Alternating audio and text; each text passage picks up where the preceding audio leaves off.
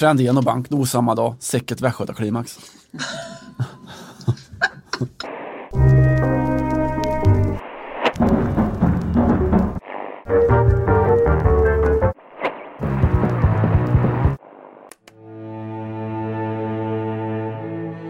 I envy not in any moods the captive void of noble rage, the linnet born within the cage that never knew the summer woods. I envy not the beast that takes his license in the fields of time, unfettered by the sense of crime, to whom a conscience never wakes. Nor what may count itself as blessed, the heart that never plighted troth, but stagnates in the weeds of sloth, nor any want begotten rest. I hold it true, whatever befall. I feel it when I sorrow most.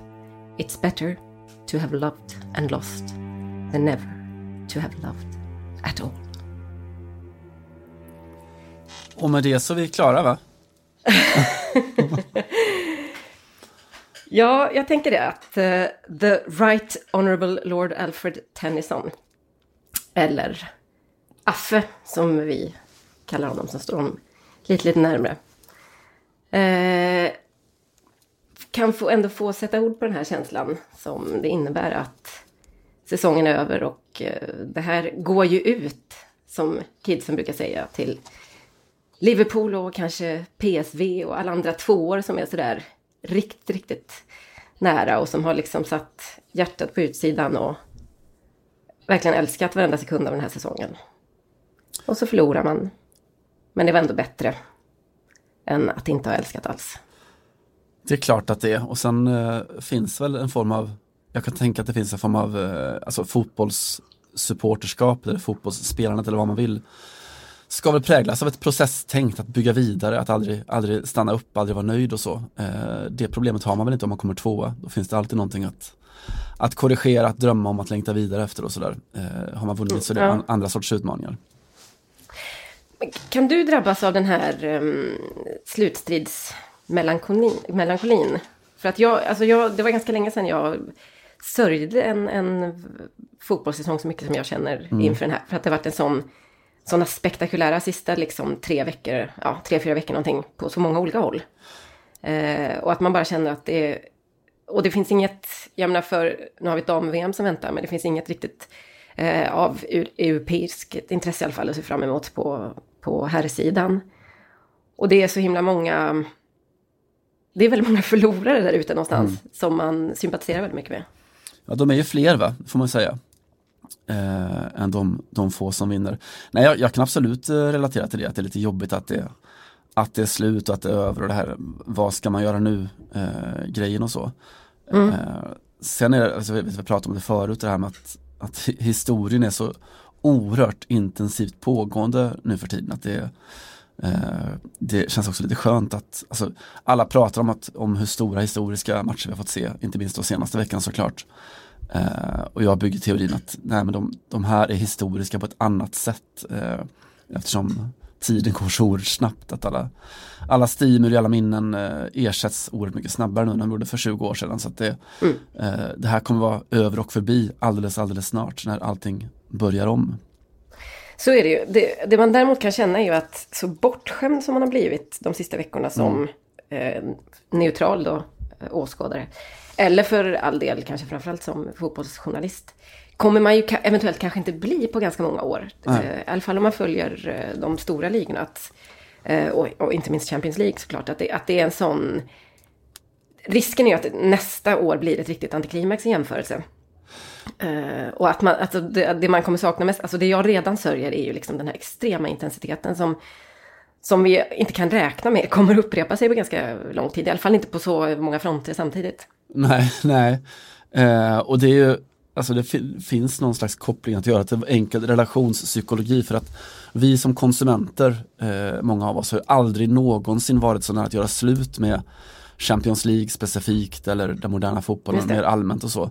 Eh, och då vet man ju, om man nu står i begrepp att göra slut, det är aldrig så att den, den man varit tillsammans med är den kan ju lätt börja fjäska då och bli ännu mer, ännu mer attraktiv och sådär. Det känns som att det här är vad, vad Champions League behövde eller vad Premier League behövde för att vi inte skulle göra slut. Mm. Den måste bli bättre. Alltså det här var ju Premier League som den oerhört svekfulla alfahannen som liksom Mm. inte har brytt sig så mycket om en på ganska länge och man känner att är det värt det, är det värt det. Och så ska jag sätta min mentala och emotionella hälsa på spel. Mm. Och så börjar man, precis som du säger, bli lite redo och ge sig av och bryta upp och så bara pff, dyker han upp med liksom inte vet jag, ett nytt tvådagars skägg och, och en bra bränna och eh, den där glimten i ögat som man hade glömt. Ja, väldigt, eh, väldigt mycket så. Ska vi säga lite välkommen också till eh, Fotboll Radikal eh. Eh, det är ju jag som är Simon Bank och det är du som är alltjämt, eh, i alla fall senast som jag hörde, eh, Johanna Frändén på plats i Paris. Mm. Stämmer. Vi klipps och korrigeras också av Petter Peps Costello Svensson. just det. Kärt barn och så vidare. Mm. Eller som vi kallar honom numera, Robins farsa. Just det. Ja. Ska vi, för, ska jag ta upp detta då? Jag har faktiskt väntat i 31 avsnitt tror jag vi är inne på nu. På att någon kanske ska komma och påpeka att fotboll, Mm. radikal, heter det verkligen så? Det är en bastard. gör va? ju inte riktigt det alltså. Eh, på- franskan använder ju det brittiska ordet fotboll eller fotboll. Och därför, därför säger man egentligen fotboll på en français. Fransk fotboll och så vidare. Eh, vi har ju justerat det där lite för att det skulle rimma bra och eh, för att man får ta sig vissa artistiska friheter i en podd såklart. Men också eh, för att det är intressant, i franskan så använder man ju däremot ordet för handboll och är samma sak då, men då heter det handball. Mm, just För det. det har man importerat från tyskan, där det heter handball. Så att det var fransoserna som började kan man säga. Ja, alltså de började i alla fall förvirra oss och de gav oss den här öppningen tycker jag man kan säga. Men eh, ja, lite besviken på att ingen har eh, hört av sig och jag gillar ju att ta emot sådana här språkfascistiska eh, in, invändningar och, och mejl. Men nu fick vi göra den själva istället. Det kanske får förekomma det eh, fransk lärarmejlet då. Just det. Vi kallar oss fotboll radikal i alla fall, eller football radical kanske mer än någonting den här veckan. Det känns som att vi kommer ha viss slagsida mot eh, Premier League. Ska vi börja med att ta oss in där det slutade helt enkelt? I Manchester Citys eh, omklädningsrum efter eh, titelsäkrandet i helgen.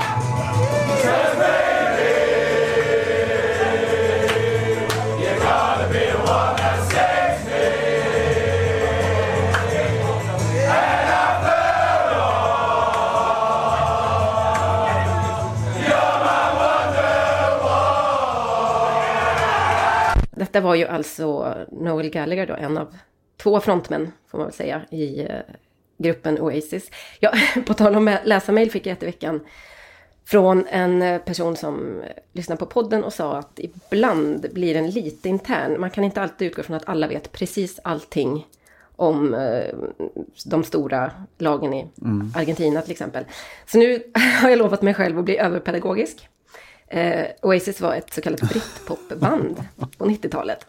Och eh, det här är ju ja, en av flera, men kanske den låt som man mest förknippar med Manchester City. Och det, jag, jag, det, det känns ju inte något konstigt där när man börjar tänka på vilka, och man, ni kan titta på klippet också, vi ska se till att lägga ut det också på Podcast Radikal som vi heter på Twitter. Eh, på hur många av de här killarna i omklädningsrummet som har växt upp med den här låten. Jag tror att det är ganska så få. För dels är de ju lite yngre än oss nu för tiden, Simon. Ja, vidrigt. Vidrigt är det. Och sen så är det ju ytterst få britter, eller ganska få i alla fall, i, eh, i eh, Manchester City. Så att det, det kan väl hända att eh, den här låten hördes på en, i Belgien och andra länder där de har representation ändå. Men jag, jag tror att man börjar få inse någonstans att det här är för många liksom historisk hymn. Inte som när man själv var 13 och drog till Jannes Vax i Skövde och liksom köpte skivan Definitely Maybe samma dag som den kom ut för att det var Oasis var liksom the shit. Utan det här är lite kanske som när, man, när vi lyssnar på Beatles eller Rolling Stones eller sådär. Att det är, det är någonting från en tidigare epok som man tycker är eh, fett av den anledningen. Förstår jag menar. Inte för att man har levt eller upplevt det utan för att det är eh, någonting som eh, känns eh, historiskt viktigt. Mm. Jag tycker om att, eh, heter den Jannes Vax i Skövde? Mm, absolut, jag vet inte, ja, den finns väl inte kvar som alla skivbutiker, men där fick jag med hela min uh, musikaliska skolning faktiskt. I Kina hette den Jannes skivbar, man undrar om det var någon sorts konglomerat där, en, en, en kedja, en franchise. Är det inte bara så att nästan mer än hälften av alla, alla män i den svenska historien som har spisat LP-plattor heter Janne? Så är det säkert. Eh, undantaget Jan Andersson då. Ja, just det. Han gillar inte, han, kan inte, han är inte så intresserad av musik. Just det. Men vi är. Säga. Ja. Mm, absolut. Eh, det, det, var ju eh, som sagt eh, Noel Gallagher som eh, var uh, körledare, får man väl säga, allsångsledare i omklädningsrummet. Jag tänkte att vi skulle lyssna lite på hur det lät när Pep Guardiola kom till Manchester City. Nu är vi på eh, sommaren då, 2016 inför säsongstarten.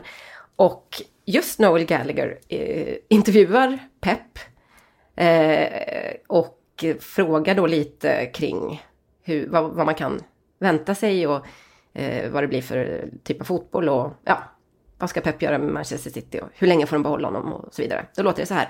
Of course we're going to, to, to fight every day to live, to win the titles. But especially from the people when uh, after the game, when finish the game, so oh, man, 90 minutes, it was not bad. I, pre- I would have preferred to be here and not in the bar. That was a good signal. And after the relation with the people, I think I, I maybe because I am Latin guy, I need uh, need you know to be close to the guys, to to hack, to yeah, yeah, to, yeah. to to say I'm gonna kill you, and five minutes later to you know to love each other. I right. think I need that to be happy, and I hope in that three years uh, that is going to happen. Um, can we talk about music? Yeah, I, I, I believe. I like. I believe lot, you're a Coldplay uh, fan. Is that right? And James Blunt. we can. that bit will never. No, be because I read an interview. Listen, I read an interview I, and I read that you don't like too much this guy, and I thought it was a proper it's little. Not that I don't like him, El Senor. No. It's that I hate him. Det här måste vi ta bort då såklart ur intervjun, säger Noel Gallagher, för att han hatar ju James Blunt. Man kan inte hålla på med indiepop eller britpop och vara styggast och starkast i Storbritannien och eh, gilla smörmusik, mm. är väl kontentan. Eh, vi hade ju ett klipp med Pep Guardiola när han intervjuades om sin musik, musiksmak just. Nu önskar jag att jag hade en sån där superkraft så jag kunde säga Fotboll Radikal nummer fem. Jag skulle kunna tänka mig att det var kanske där någonstans. Eh, minns du det? Han var, han var hos BBC och pratade med Guillaume Balaguer om detta. Just det. Och eh, det var ju mycket, det var lite Elton John, Your Song och det var lite så katalanska kärleksmelodier och, och så vidare. Eh, och den här spaningen i sig är ju inte superfräsch, men det finns ju ändå någonting kring det här Guardiola säger om att han vill krama sina spelare. Maybe because I'm a Latin guy. Mm. Eh, så behöver jag liksom den här relationen med dem. Och så att han då ja, gillar Coldplay och James Blunt som han väl trycker dit tror jag för att han har fått reda på att eh, Gallagher inte är något stort eh, fan av honom.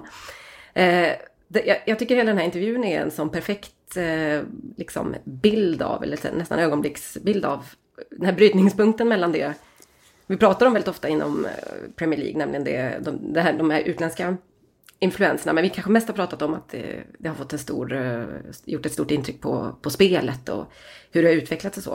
Eh, det finns ju någonting i den här maskuliniteten som man ser att Noel Gallagher blir lite, lite stressad av den här kram Ja det finns ju en sån där mat matroska, ryska dockor-grej att, att Noel försöker rädda sig. Det blir lite obehagligt där med, med kramar och, och känslor och latin Latin, ja. Latin lover på att säga aspekten. Så då kan vi talk about music.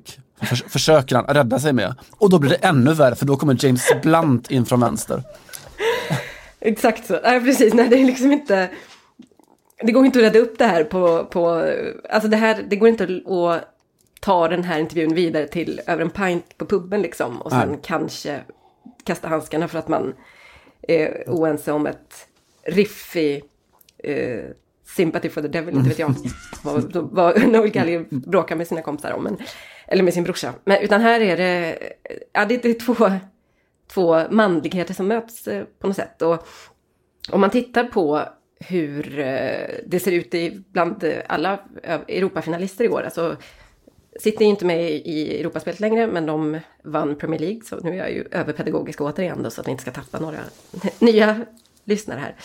Eh, och så har vi då, ja men vi har en känslomänniskan Jürgen Klopp mot någonstans känslomänniskan Mauricio Pochettino. Han visar inte lika mycket, men han, han grät ju floder efter, eh, och det gjorde väl kanske eventuellt eh, någon i den här podden också, efter mm. finalavancemanget. Mm eh, i Champions League och ja, berättade och liksom, eller ägnade sin seger och allt till, till alla runt omkring honom och så vidare. Och så har vi ju eh, Sarri då, eh, Chelseas eh, tränare som är som ingen brittisk tränare någonsin har varit i alla fall. Och vår favoritspråkskoleelev såklart, Unai Emery i Arsenal. Som också är en helt annan manstyp, vill jag kalla det mm. Simon, än, än, än vad som har liksom funnits representerat på de brittiska öarna tidigare. Och eh, det är någonstans, en gång, en gång, två gånger kan vara en vana. Nu har vi fem av de här eh, halvunga i ganska många fall också, tränarna, mm. ut, utom möjligtvis eh, Sarri då. Som liksom tar med sig, som är taktila, som är känslomässiga, som eh, pratar om sina spelare på ett helt annat sätt än än vad man någonsin har hört eller vad man i alla fall för 20 år sedan aldrig hörde i, i, i Premier League. Eh, och jag vill hävda att det paradigmskiftet är kanske nästan lika stort som det, det, det taktiska, eller det spel, lika stort. Men att det också har en inverkan eh, någonstans. För att brittisk media framförallt och brittisk supporterkultur måste ju förhålla sig till det här också på något sätt. Ja, det, alltså vi, vi har pratat lite om det i, i relation till den tyska fotbollen, att det, den här nya generationens tränare som ofta är, har en akademisk bakgrund, kanske inte nödvändigtvis eh, så lyckade fotbollsspelare själva. Eh, men att de pratar om att vi, ska vi liksom träna ett gäng millennials med allt vad det innebär så, så krävs det, det ställs helt andra krav på oss. De accepterar inte den gamla sortens eh, ledarstil. Så jag tror absolut att det är en, att det är en framgångsfaktor att, vara, att kunna läsa av eh, sina spelare på precis alla plan. Och det är också mm. framdrivet av att alltså, konkurrensen idag är så, så extremt, extremt eh, tät. Så att varje sån litet steg du tar blir en, blir en faktor. Du har inte råd att slarva med någonting egentligen. Eh, och det är ju oerhört underhållande, alltså alla de här krockarna, det är en, en It was the worst of times, it was the best of times. Eh, för att citera Dickens. Eh, att, att se eh, Noel Gallagher stående i sitt, eh, det här omklädningsrummet av multimiljardärer eh, och sjunga då med sitt eh, Abu Dhabi-ägda Manchester City. Det såg man inte heller för 20 år sedan. Man gjorde inte riktigt det. Man, eh, det man såg en dag efter var ju att det kan bli sista gången på länge eftersom, eh, men det är en annan historia då på tal om att, men det känns också väldigt mycket dagens fotboll. Mm. lörd, söndag, fira titeln, måndag, utredas för kriminell ekonomisk verksamhet. Mm. Nej, det är en annan, en, eh, en, annan tid som kräver andra rebeller på något, eh, på något vis. Mm. Uh, här finns vi. Välkomna in i värmen allihopa. Men om man också ser då generellt på hur liksom ledarskap eller management ser ut på 2010-talet så är ju det här, går ju det här ganska så hand i hand med det. Alltså, nu kanske det är en 20 år sedan man började prata om emotionell intelligens och allt det här. Men mm. det här är ju liksom en, en, en, en, någonstans en utveckling i hela samhället. Jag studsar nästan alltid till, fortfarande när jag ser eh, de här eh, fotbollsspelarna framförallt och många av Premier League-stjärnorna som använder sig väldigt mycket av emojis, alltså mm. små känslofigurer. oh, välkommen till det övertydliga programmet. Ja. Exakt så. Eh, och eh, hur nära den här generationen med, eh, ja, kanske Leroy Sané och Raheem Sterling och vilka du vill har till eh, hjärtan och pussmunnar och allt det här när de skriver till sina kollegor. Eh, eller till sin tränare eller till sina supportrar. Att det, det är någonting eh, nytt som, det är inte nytt, alltså det, det pågår hela samhället men inom fotbollen och framförallt inom brittisk fotboll så är det som, som har dragits med så mycket andra problem mm. på, på supportersidan. Så är det här någonting helt, helt, helt annorlunda. Och nästan i exakt strid med eh, vad den brittiske, både spelaren och eh, liksom supporten egentligen brukar vara, eller är känd för att ha stått för tidigare. Då, då var det mer att man skulle liksom, man, man blöd lite grann, man gnäller inte. Man tar en pint efteråt med kompisarna och så är det ny match nästa helg. Det vore ett intressant eh, test att göra, att ta en, ja, din eh, normala Roy Keane-intervju från säg 1997 eller så eh, och bildsätta med emojis, alltså översätta det han säger med emojis. det hade varit inte så jättemånga pussmunnar och, och sådär, ganska många knutna armar och Ja, just det. Sådär. Sjuksköterskor finns ju också som emoji, det hade kanske dykt upp då. Just det. Broken uh, Bones, eh. Just det. det hade varit något. Det hade varit det. Jag, jag tycker att det, det, är värt att uppmärksamma det här och eh, när man pratar om utvecklingen i fotboll, alltså innan fotbollen som nästan, det är nästan alltid är Premier League som går före på, på tränarsidan i alla fall så är det ändå väldigt tydligt att den här fotbollen kommer också med en annan typ av, av eh, ledarskap. Mm. Och eh, att det kanske är den, stora, den riktigt stora skillnaden från eh, om man ser de senaste 20 åren i alla fall.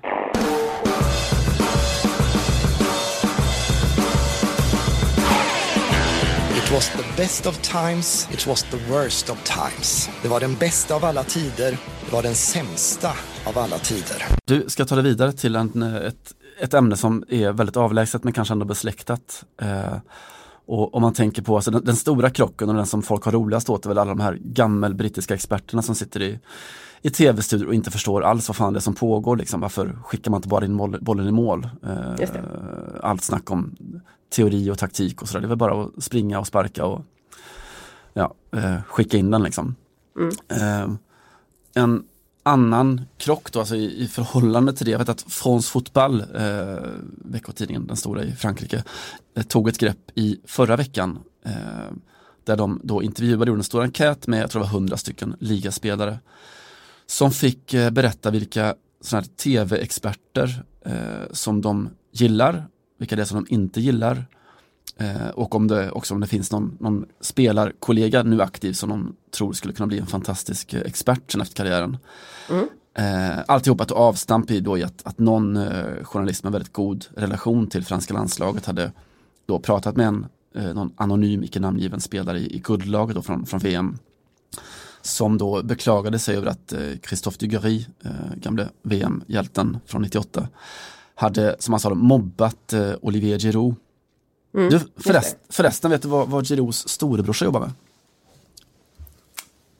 Uh, nej, nej är väl det enkla svaret på den frågan. Jag är inte den blekaste. Vet det folk sånt? Uh, nej, jag tror inte att alla, alla dina, dina mail, mejlare vet. Uh, men han är alltså, Romain Giroud är dietist i AS Monaco.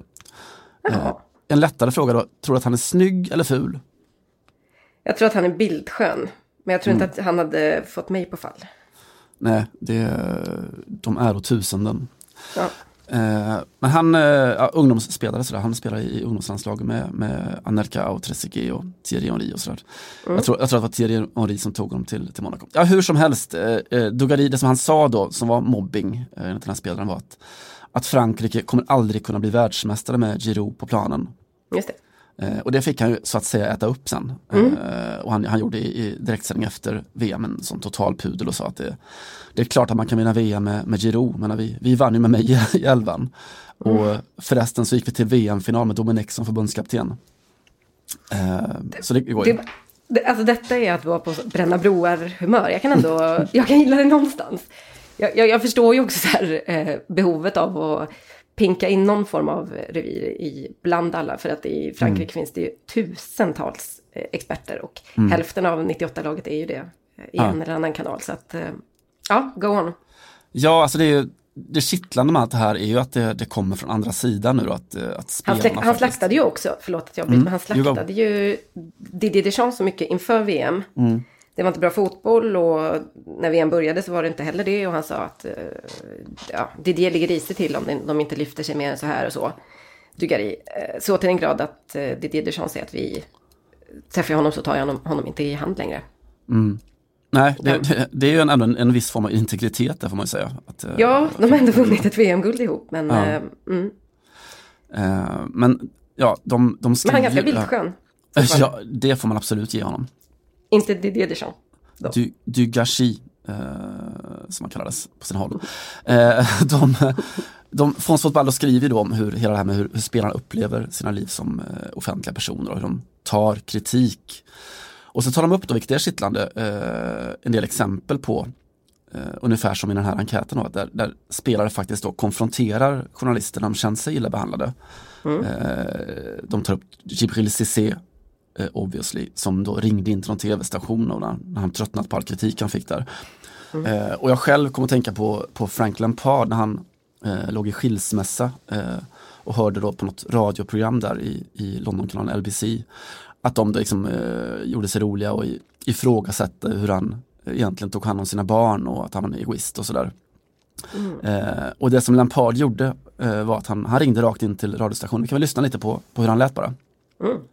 So before you start insinuating and calling people weak and scum on a radio station, sitting on a high horse, which you are, because I hope one day that your wife or your girlfriend doesn't come to you and say, I don't want to be with you anymore, and unfortunately that means you won't see the kids for a few days a week. That will hurt you as well, but you'll have to deal with it. It would, it would, it would break my heart, Frank. Yeah, and, and it's broken my heart. Do you think I'm happy? Of course do I don't think that you're happy, oh, and that's why I'm delighted you've taken this opportunity to have exactly. your say.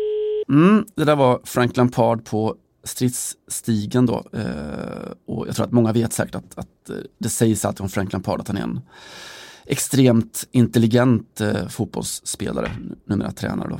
Eh, han, eh, på alla IQ-test som de hade och så, där, så slog han hål i taket. Han har ju pluggat latin och så, eh, som alla intelligenta människor. Eh, men jag tycker ändå det är lite chockartat så hur, hur oerhört artikulerad han är i en sån här situation där han då uppenbart är så extremt eh, upprörd eh, då. Mm. Ja, man har ju, man har ju gjort, man har, har liksom haft en slätare figur själv i de lägena, mm. så att säga. Verkligen, verkligen.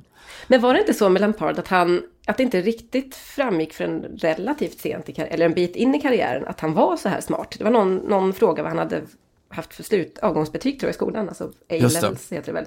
Ja. Och så bara sa han det och de bara, men herregud, han bara, ja det är väl ganska så bra. Och sen så började han väl liksom kliva i den här rollen lite grann som, som den intelligente spelaren. Men det, det var inte något, det var inget som han sålde in från start om jag minns det hela rätt.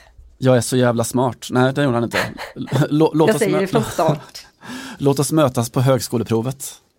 eh, Bosse Pettersson. Alltså nej, den, eh, det, det, det kanske han borde ha gjort kanske undvikit många problem med det.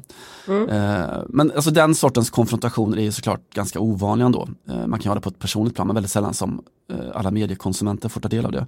Ja, det. Eh, och så. Men, men det som då i från Fotboll då, eh, när de lät spelarna ranka experter som de gillar och inte gillar och eh, sådär. Jag vet har, har, du, har du, för du har inte läst det va? Nej.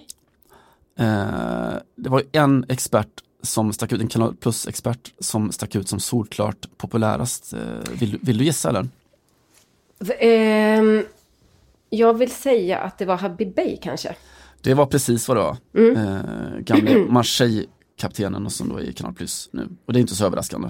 Nej, nej men nej, han, dels är han väldigt bra. Eh, mm. Och sen så är han ganska så älskvärd. Och sen så sitter han ju faktiskt med ett gäng rätt träiga, sådär, tjuriga typer som gnäller på allt. Han är mycket mm. mer konstruktiv än, än dem tycker jag. Och har någon sorts aura så också. Han är ju såklart tjusig och, eh, och ganska, för att vara fotbollsspelare, väldigt artikulerad upplever jag. Mm. Mm.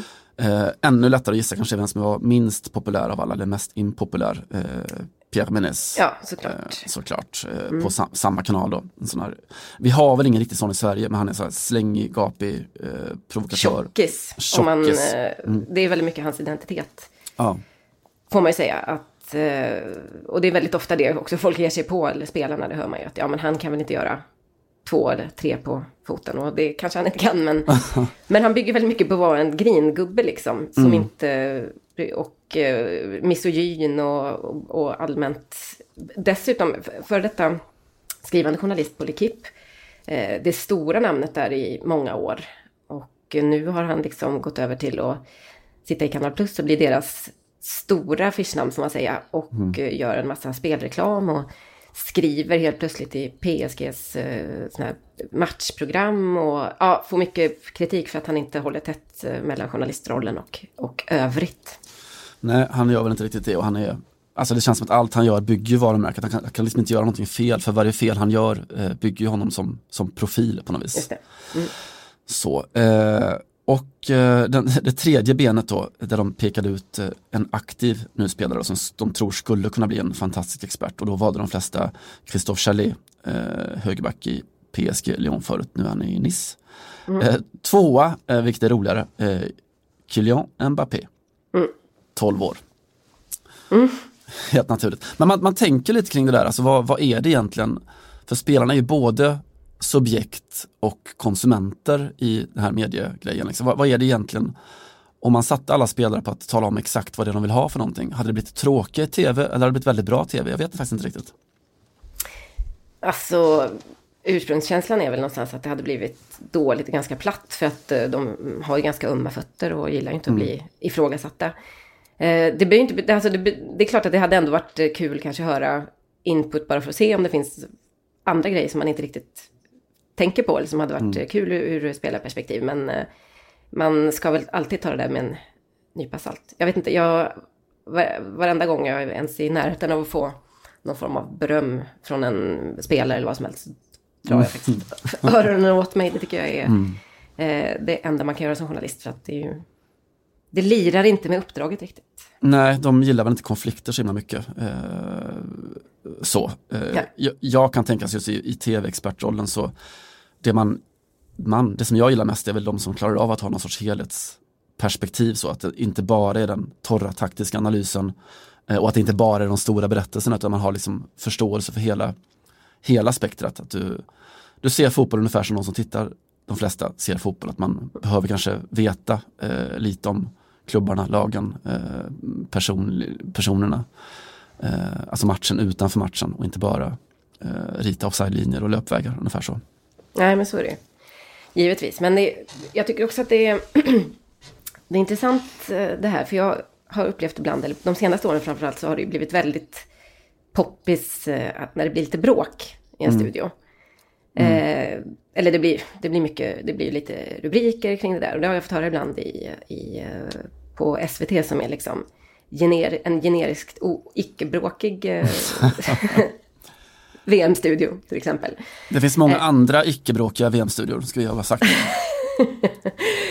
det gör det absolut.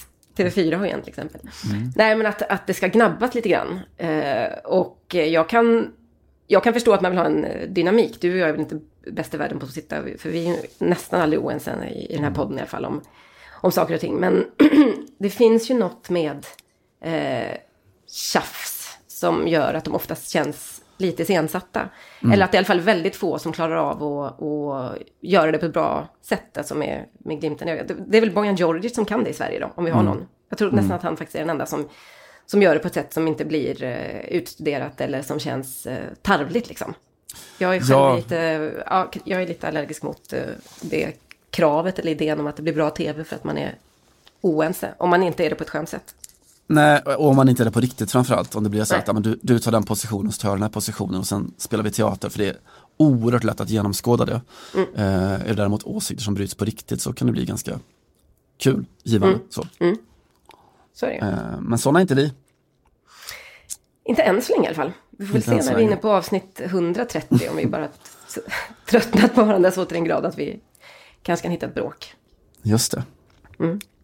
Eh, Mbappé tror jag ju är, ja, nu kanske hans, beror väl på lite vad som händer i hans karriär. Men risken finns ju, om man nu ur tv-perspektiv, att han blir eh, liksom nästa Zidane någonstans. Mm. Och då kommer han aldrig behöva sätta sin fot i en tv-studio, även om han skulle göra det på ett briljant sätt. Inte mm. säker för sig på att Zidane skulle göra det, men han kommer att ha ganska många andra utvägar som känns mer attraktiva när han lägger dobbarna på hyllan. Fotbollny. Eh, eh, Say hello to a new era of mental health care. Cerebral is here to help you achieve your mental wellness goals with professional therapy and medication management support. 100% online. You'll experience the all new Cerebral way, an innovative approach to mental wellness designed around you. You'll get a personalized treatment plan from a therapist, prescriber, or both in a safe and judgment free space. Your cerebral therapist or prescriber will outline a customized plan with clear milestones along the way so you can get to feeling your best. With Cerebral, you're not alone in your mental health journey. We're here to empower you to live a fulfilling life. So take that first step towards a brighter future and sign up today at cerebral.com slash podcast and use code ACasts to get 15% off your first month. Offer only valid on monthly plans. Other exclusions may apply. Offer ends July 31st, 2024. See site for details. Carl.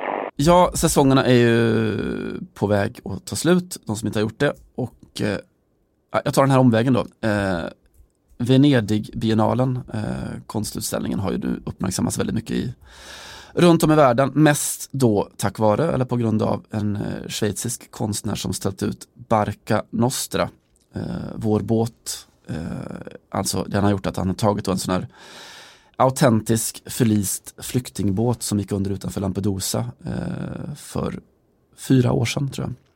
Och det har varit väldigt mycket diskussion kring det, om det är smaklöst eller vulgärt eh, att göra så. Att tvinga fram känslor och göra konst av det som är en, en reell, äkta tra tragedi.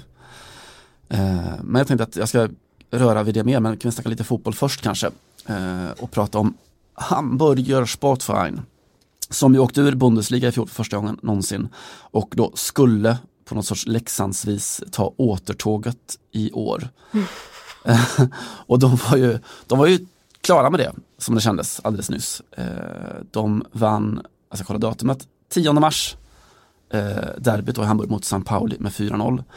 Då låg man alltså med nio matcher kvar av säsongen, tvåa eh, på 50 poäng och var så här solklara favoriter till direktuppflyttning med sju poäng ner då till fjärdeplatsen som inte ens skulle ge kval upp.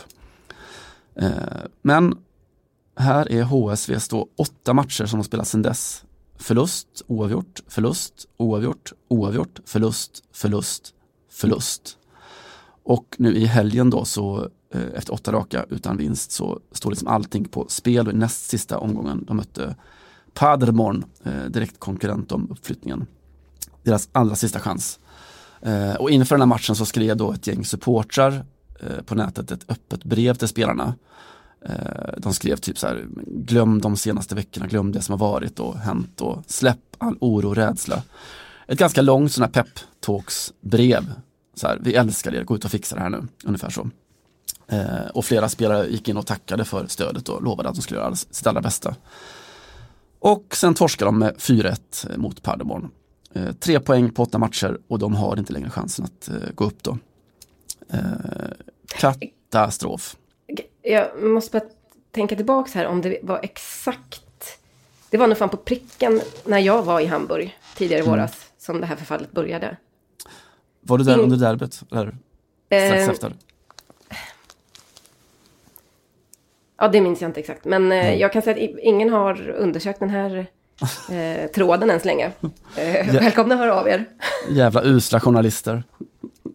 Eh, faktiskt, och apropå då eh, journalister, det här är ju alltså katastrof, nej fotbollskatastrof då såklart för att inte få alla människor tänkande hela världen på sig. Men jag, jag fastnade lite för ett ord som eh, en tysk fotbollsanalytiker som heter eh, Tobias Escher använde i en eh, tweet då till sina läsare. Eh, han syftade då på alla de här som liksom gottar ner sig i det här Hamburg-haveriet och kallar dem för katastrofen-turisten. Katastrofturister. Mm.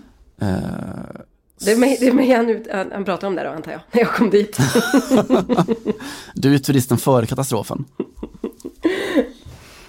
Eh, men det där är en term då, det är de som åker till sådana katastrofplatser för att se hur det ser ut där och i, i fotbollskontexten så kan man ju relatera ganska hårt till det. Eh, och man kan så fråga sig liksom varför är vi katastrofen turisten när det handlar om fotboll? Eh, varför fastnar man för de här grandiosa misslyckandena. Och det finns ju en del forskning kring det där nu för tiden. Då. Det en, finns liksom en helt sån sociologisk eh, subgenre som försöker förklara det som, som de kallar då för dark tourism. Eh, en växande gren tydligen i turistbranschen då, med massa människor som åker till Tjernobyl eller Ground Zero eller sådär. Mm. Eh, eller olika slagfält, historiska slagfält eller slumområden i, i städer och så. Eh, och det är lite konstigt att man liksom åker till sådana ställen och, och mår dåligt och istället för att åka till Ibiza eller så. Mm. Uh, och den då som hålls... man hör att du har varit där mycket i dina år. Ibiza, Ibiza. Om du, om du gör ots, ots-ljudet så kan jag säga Ibiza. Nej. Uh, Not gonna happen. Eh, men det finns en sån här stor auktoritet och pionjär inom den här forskningen. En skotsk professor som då både myntade begreppet dark tourism och också myntade begreppet Tana-turism. Tana är grekiska för döden då. Och han heter alltså, och nu skojar inte jag, han heter John Lennon. Come on you cunts. Nej, Eh, jo då. Absolut. det är inte, det är inte, det är inte varumärkesskyddat uppenbarligen. jag tror inte det. Eh, men definitionen då av eh, i hans, eh, hans variant är då att dark tourism är en produkt av omständigheterna i den senmoderna världen. En intimisering av postmodernismen där döden neutraliseras, medialiseras och görs mindre hotfull och därigenom görs möjlig för konsumtion. Så, eh, tillbaka till oss som katastrofkonsumerar Hamburg.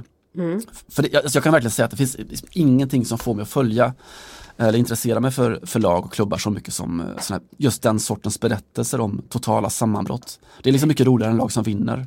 Alltså det är nästan lite det P eller PSG har ägnat sig åt eh, under våren. Nu, nu säkrade ju de ligan så de hade vunnit för all del. Men eh, det, var ju, det är precis den känslan jag sitter på Stade de France med när, när eh, Rennes slår dem på straffar i finalen i Franska Cupen. Och sen hur det bara fortsätter liksom, att de inte kan slå enda lag efter det. Att det bara är en sån total genomklappning. Det finns ju någonting otroligt kittlande i det. Ja, och det behöver inte ens vara liksom att, att det är kopplat till antipatier eller sympatier och så, utan det eh, märker Gud, man att eh, nu börjar liksom Milan halka. Jag har absolut ingenting emot Milan, så då går man in och kollar resultaten eller ser någon match, för Ja, man ser att ja, men, inte fan kan de förlora mot Kiev och hemma. Och så kan de det. Mm. Eh, och så blir man lite speedad och, och intresserad av det. Mm. Eh, och det är alltså det är ju inte liksom den här sortens katastrofer, det är ju inte liksom när Barcelona tappar 3-0 mot Liverpool eller Ajax tappar mot Tottenham på en halvtimme och sådär. Eh, för då, då kollar man ju alltid på de, de som vinner liksom. Mm. Eh, utan här är så här riktiga gå in i väggen historier snarare. Ja, just det. Utdragna liksom kriser. Verkligen. Eh, och mm, tillbaka till forskningen då, när, när det gäller just eh, Tana-turismen, dödsturismen så har andra forskare pratat om att det finns liksom motiv till det då, som är ja, hederlig tysk, så här schadenfreude, skadeglädje. Eh, någon har skrivit om a secret pleasure in witnessing the misfortunes of others och catharsis where tourists find in the sight, understanding and meaning for their life. Eh, jag vet inte, är det det handlar om tror du? Att man, eh, man följer då typ Hamburg för att man, man känner någon så här skadeglädje, någon proxylättnad över att det inte är man själv som har gjort bort sig. Och man ser någon krascha och så, där, så känner man någon, en katarsis, någon själslig rening av att det inte är, det är inte jag i alla fall. Ja, men ganska mycket eh, journalistik om man tittar på klick och sånt överhuvudtaget. eh, Eller det som kallades lösnummerförsäljning tidigare. Är ju, handlar ju om katastrofer. Det är ju en gammal, gammal nyhet att, eh, att dåliga nyheter säljer bäst. Och att det inte går att sälja in liksom goda nyheter. Så att det, det stämmer väl ganska väl överens med hur, hur vi konsumerar egentligen allt som händer i världen. Att det, det är mycket mer...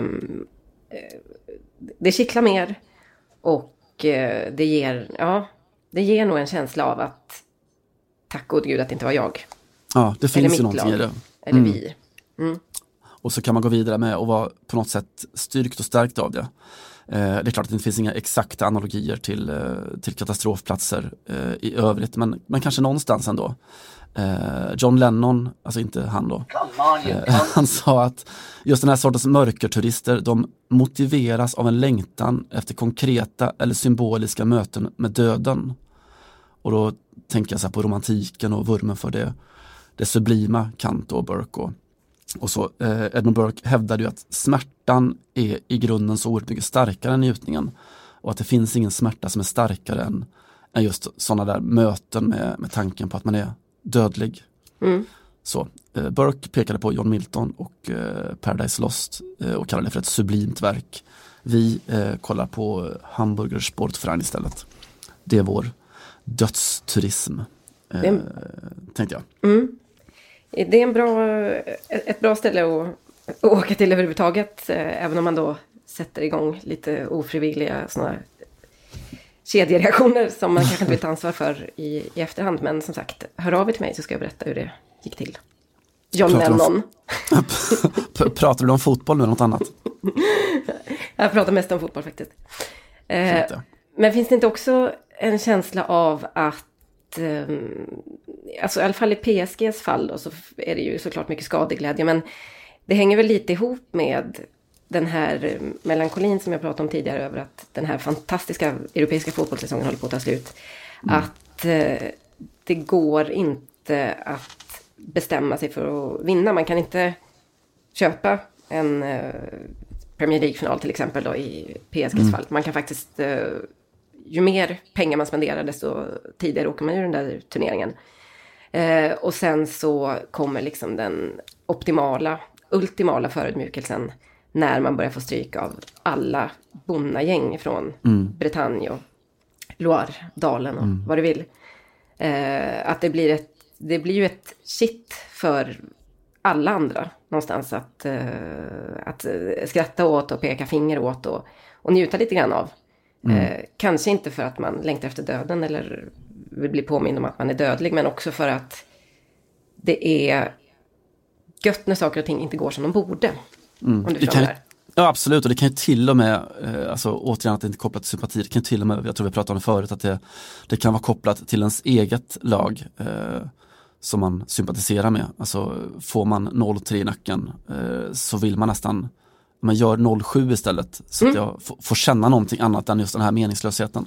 Just det, ja, ja men, men jag vet ju flera PSG-supportrar som, som någonstans tycker att det här är att det, det, finns någon, något, ja, katarsis som du säger, eller något eh, lite skönt i att bara få bevittna den här totala genomklappningen. För att till slut så vänds ju ofta supporterskap också i de här lägena i alla fall till alltså, självhat eller stor, förakt mot de som styr och inte lyckas bättre. Och att man mm. tycker att ni är inte värda bättre och vi är inte värda bättre. Och att det är, liksom, precis som du säger, det, det är skönare om det går åt helvete ordentligt. Mm with music.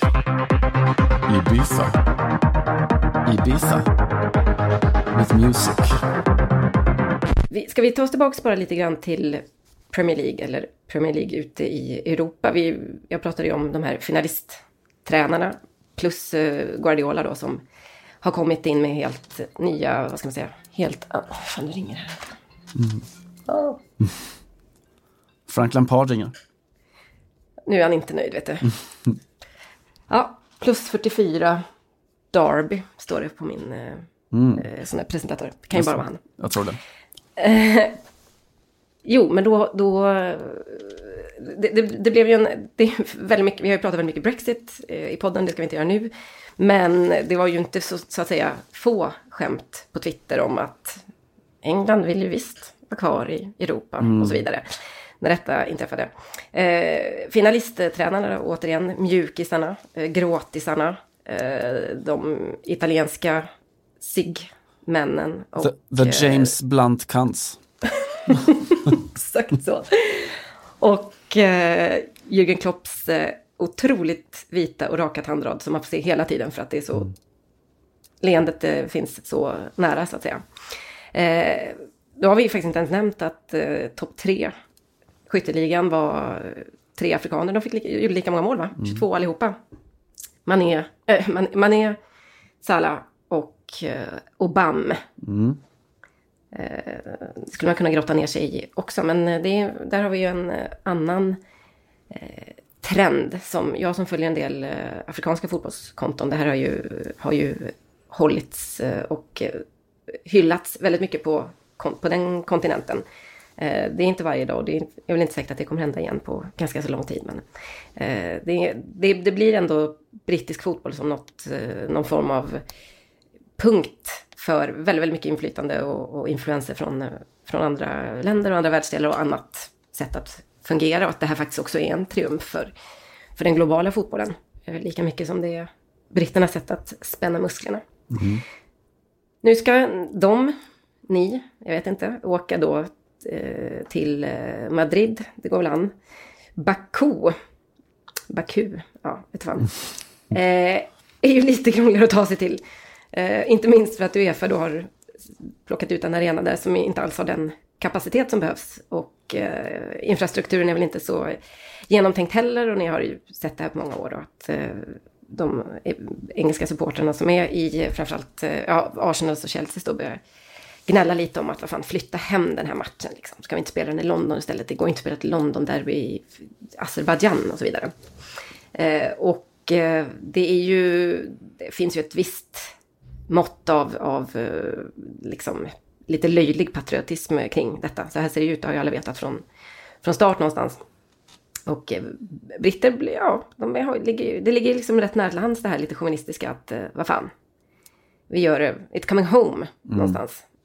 Eh, det som däremot har tagits upp mig vetligen för första gången i, i, i brittiska tidningar är ju eh, klimatavtrycket som detta ska göra. Eh, vårt ständigt dåliga samvete som, eh, ja i många fall som eh, fotbollsjournalist såklart när man bevakar internationell fotboll. Men som supporten också börjat eh, ta till sig lite grann och Guardian gjorde en liten eh, blänkare i alla fall om detta. Att, eh, vad, vad, har man för, vad har Uefa för ansvar här och vad har fotbollsvärlden för ansvar för att eh, när man lägger en match så långt bort som kommer göra då ett så kallat carbon footprint som är helt, eh, egentligen helt oacceptabelt eller någonstans då helt onödigt när matchen hade kunnat spelas i London om vi pratar om Europa League-finalen. Och jag tycker ändå att det är lite intressant att eh, uppehålla sig kring för att det är ju givetvis inte det de absolut flesta supportrar tänker på. Man tycker bara att det ska bli, det blir krångligt att åka långt bort och så vidare. Men ja, det är knappast först, eller det är knappast sista gången som vi kommer att prata om, om det här. Vi har ju diskuterat det tidigare. Det kommer ett EM-slutspel nästa sommar som ska eh, spelas på massor med olika platser i Europa. Det kommer bli en flygfest och en liksom koldioxidfest för de som ska se sina lag i någonstans mellan eh, Spanien och Holland och jag vet inte vad. Köpenhamn är med också va? Ja, det så kallade Eurobonus-mästerskapet. ja, gud ja. Ja.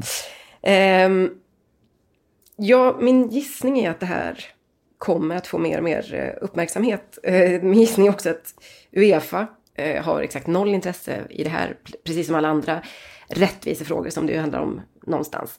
Men håll med om att det är, en, en att det är lite kittlande att det, vi har ändå kommit till en punkt där det här börjar tas upp som ett eh, giltigt argument. Ja, alltså det skrivs ganska, ganska lite om det. Jag vet med just vad gäller EM 2020 där, eh, 12 spelplatser över hela Europa som alla vet. Eh, men det, det, det, bestämdes ju 2012 att man skulle ha det upplägget. Eh, och då, då var det för att man skulle liksom navigera förbi en sån här global finanskrasch. Mm. Eh, och man tycker att man löser det på ett, ett ansvarstagande sätt. Och sen så kommer eh, miljöfrågan upp front and center i alla diskussioner. Eh, så det är tufft eh, såklart. Eh, och att det visar att det handlar inte om att man är preventiv i sitt tänkande. Men miljöfrågan i sig är ju inte ny. Den är, det var typ 30 år sedan som, som Time Magazine utsåg planeten till årets person för att den var mm. så illa ute med klimatförändringarna. Mm. Men jag vet att det de gjorde med, med just EM, det de har sagt är att de, de ska vänta in lottningen, då, vilka lag som spelar var någonstans. Eh, och sen ska man göra en uppskattning då av hur många supportrar som flyger dit.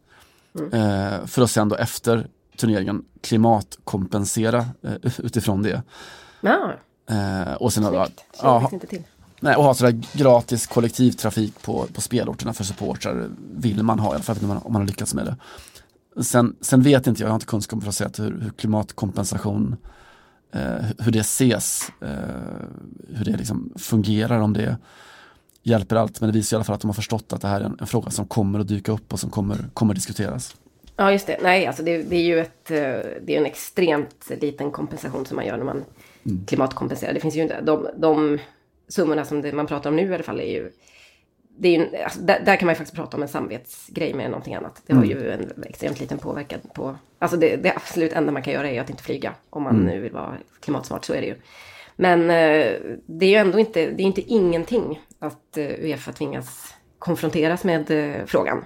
Mm. Det kan man väl säga. Och det är intressant också nu i, tycker jag, för att väldigt mycket av det här kokar ner till London. Då det är två Londonlag som ska spela i Baku.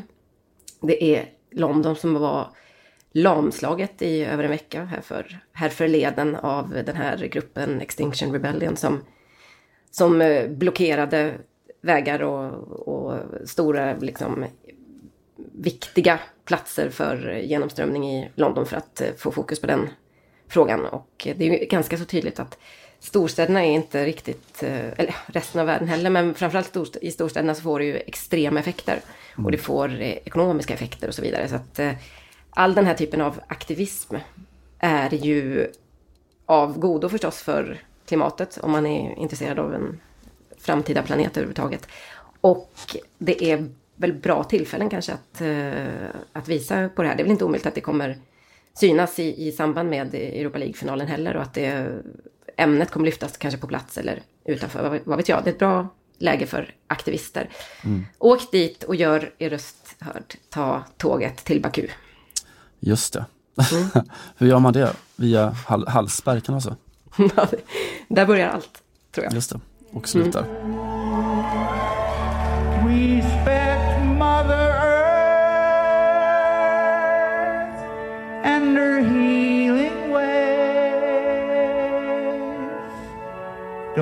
Trade away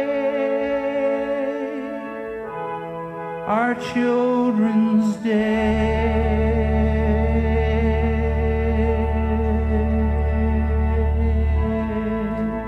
Låt mig lyfta en eh, profil eh, som för, förtjänar uppmärksammas. Eh, och eh, vi tar oss till Indien, jag tror att det var ett tag sedan vi var där. Eh, mm. Jharkhand, närmare bestämt, en delstat där, eh, och här kommer lite samhällsinfo då, ungefär hälften av befolkningen i Jharkhand är så stamfolk eller lågkastiga. Eh, senaste året så har 27 kvinnor lynchats där då, eh, anklagade för häxkonst. Nio av tio unga kvinnor i Jharkhand vet inte ens om att abort är lagligt. Eh, så de har massor av sådana här tonårsgraviditeter. Och dessutom då eh, är det en extremt våldsdrabbad stat och bland annat sådana maoistiska rebeller. Det var länge sedan man hörde från dem. Som mm. tagit till vapen.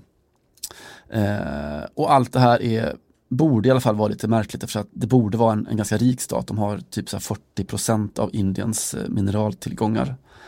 Eh, men den hamnar bevisligen inte hos folket i alla fall. Eh, det var den deppiga bakgrunden. Eh, profilerandet eh, som är lite peppigare är då att Jarkand mitt i den här miljön har ett 17-årigt flicklag som eh, körde över allt motstånd eh, fram till final i Indiska mästerskapen. 38-0 på fyra matcher. Hoppsan. Eh, däribland mötte de Hamburgs herr A-lag. Nej, det gjorde de inte. Eh, och, och, gick till final då. Eh, de har en storstjärna, eh, Somati Komari, som själv gjorde 17 mål på fyra matcher. Mm. Och det fina när man skriver om det här i, i Indien då så, så rubriceras det lite som en sån här feministisk rörelse i det lilla. De är flickor som tävlar och syns och, och vinner och är bra dessutom. Mm. De spelar final nu i, i, förra veckan tror jag och förlorade eh, lätt sensationellt mot eh, Himachal, heter motståndarna. Men fortsättningen Hade man ändå lite på känn? Lite grann. Inför finalen där, att det, att det hade kunnat sluta så? Real Himachal eh, är inget man viftar bort, så att säga. Nej. Eh, men fortsättningen då, att nästa höst så håller man U17-VM i Indien och man har precis tagit ut då en bruttotrupp, 35 tjejer som samlades i Goa för att slåss om platserna. Eh, Somati Komari, en av dem. Eh, jag tycker vi håller lite på henne i VM för att hon är veckans profil. Goa gummor. Just det. Mm. Ska jag uppdatera lyssnarkretsen på Real Kashmirs öden och äventyr också? Vi har inte pratat om dem eh, på ett tag. Men de ser ut att hamna på en tredje plats i den indiska I-League eh, med en match kvar att spela. Eh, Chennai City plockar hem ligasegern där och därmed Champions League-kvalificeringen då i Asien. Just det. Eh, bättre lycka nästa år, Real Kashmir. Real Kashmir handlar alltid om nästa år, det känns så. Så är det. Mm. Det är våran framåtrörelse. Framåtlutad. Mm. Mm. Eh, vi har pratat eh, uppbrott och avslut och melankoli eh, lite grann i dagens avsnitt. Eh, det här är också den tiden på året då flera spelare tackar för sig såklart. Eh, Daniele De Rossi slog ner som en mindre bomb får man väl säga. Eh, idag att han ska lämna Roma efter säsongen. Eh, det gjorde ju lite ont i hjärtat och jag, jag lider också med alla romanister som på väldigt få säsonger har fått se sina absolut, eh, absoluta liksom, emblemspelare försvinna. Eh, Totti och De Rossi. Man frågar sig lite vad finns kvar efter detta. Maledetto tempo, eh, som Totti sa, förbannade tider. Ja, exakt. Exakt så. För övrigt någon som uppmärksammade, det var brorsan som uppmärksammade på att eh, Daniel De Rossi hade blivit mer och mer lik Totti de senaste åren. Lite håret blivit längre och liksom, börjar se lite så här, börjar men ser härjad ut på det där eh, väldigt romerska sättet.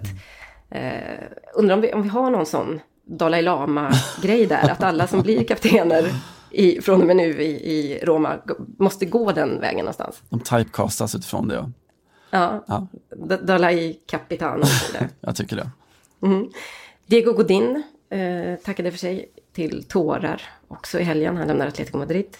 Eh, Yahya Touré eh, ska sluta spela fotboll, eh, dundrade hans agent ut eh, på Twitter. I, två dagar senare så svarade Yahya Touré att eh, det här är ett missförstånd. Jag har ett par, tre år kvar i karriären tror jag. Mm. Eh, bra, bra relation där med sin agent. Kanske, kanske den sårigaste man har sett på, på den här nivån. Alltså mycket kan man göra fel som agent, men gå ut med och berätta att någon slutar är väl kanske det sämsta man kan göra. Toré svarade också att den dagen jag lägger skorna på hyllan så kommer jag att eh, medla detta själv. Gud, det där påminner lite om, om Bertil Kristiansson, eh, Västra Frölundas gamle legendariska ordförande som också var speaker på Frölundas matcher eh, och som vid något tillfälle tar micken och ropar Frölunda förbereder ett byte, ut ska nummer åtta. Eh, och det var, hade tränaren inte alls, eh, han inte alls med på, men det var, det var ju bara byta. Jaja Toré, du förbereder att sluta? Proaktivt. Mm, verkligen. Eh, uppbrott ehm, och och eh, återfall, som vi kanske kan prata om i det här, just i Yahya Tourés fall då, eh, är ju en del av livet. Och jag tänkte faktiskt kulturtipsa om en roman som alla kvinnor i min generation har läst och tidigare generationer också. Eh, som väldigt många män skulle ha behållning av. Och den, ja, den är ständigt aktuell, men jag pratar ju förstås om Maken av eh, Gun-Britt Sundström. Mm. Har du läst den? Nej, jag har inte läst den. Nej, då får det vara bilden av min uppmaning då. Just det. Eh, 1976 kom den ut och eh, det går nästan inte att föreställa sig ett mer tidlöst ämne. Det är Maken, en förhållande roman heter den. Eh, handlar om Martina som är jag-personen då, som liksom ger sig ut i vuxenlivet efter eh, studenten. Och eh, ska jobba som lärare har jag för mig. Och ett av och på-förhållande med Gustav. Eh, den absolut mest um, verklighetstrogna och nästan realistiska eh, förhållanderoman som jag har läst i alla fall. Det är, en, alltså det är så mycket igenkänning så att man, mm.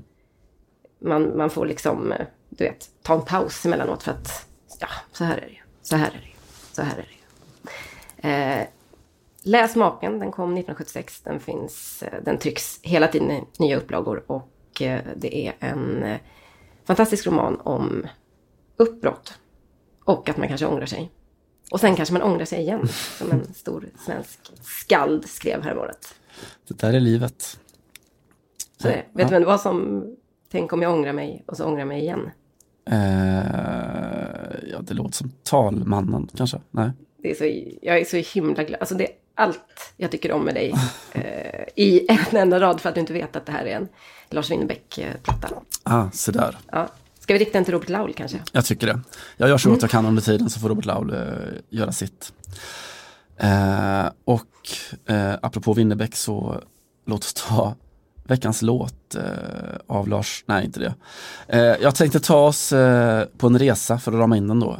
Världen roterar ju som bekant kring Saint-Nazaire nere på Atlantkusten.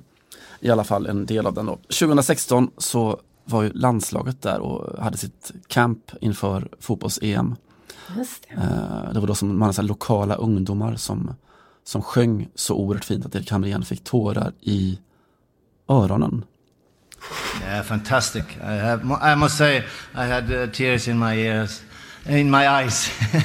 tears in, in my eyes when, when they were uh, singing. I, I had uh, I think I had uh, something else in my eye, in my ears. Uh, so so um, no, it was fantastic. Ja, det där satte ju ett uh, avstamp va. Uh, så att när Les Gilets jaunes, de gula västarna, uh, nu skulle hålla sitt uh, största då, så nationella möte i Frankrike i januari så, så åkte de också till Saint-Nazaire eh, för att ha möten och organisera sig och utbilda sig och sånt.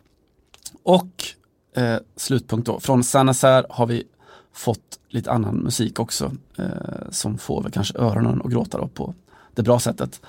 Eh, Julia Lanoé eh, är född i Saint-Nazaire eh, hon har då ihop med en eh, fransk DJ, polyglott. Han pratar tyska, franska, ryska eh, och ett par till säkert. Eh, Vitalik, så de har släppt en platta alldeles nyligen under bandnamnet Kompromat. Eh, kompromat är det som KGB använder som term för att beskriva diverse sådana här komprometterande material som de hade. Typ någon minister som var otrogen eller sådär. Mm. Eh, musiken, neo, postpunk, elektro, franskt och tyskt och extrem så här, konstgalleriartig. Eh, jag vet inte om det finns någonting i, i allt det här som du opponerar dig mot? KGB, tyska, Eh. franska, konsten, neo, post, po- postpunken eller så. Nej, det skulle väl vara gallerimusik då. Där, jag, där vill min inre punkare börja åt, dra åt helvete och sluta äta snittar. Men skit i det. Bear with me och lyssna lite för nu kör vi eh, det är från oss eh, till Erik Hamrén och Gula Västarna. Kompromats singel Niemand.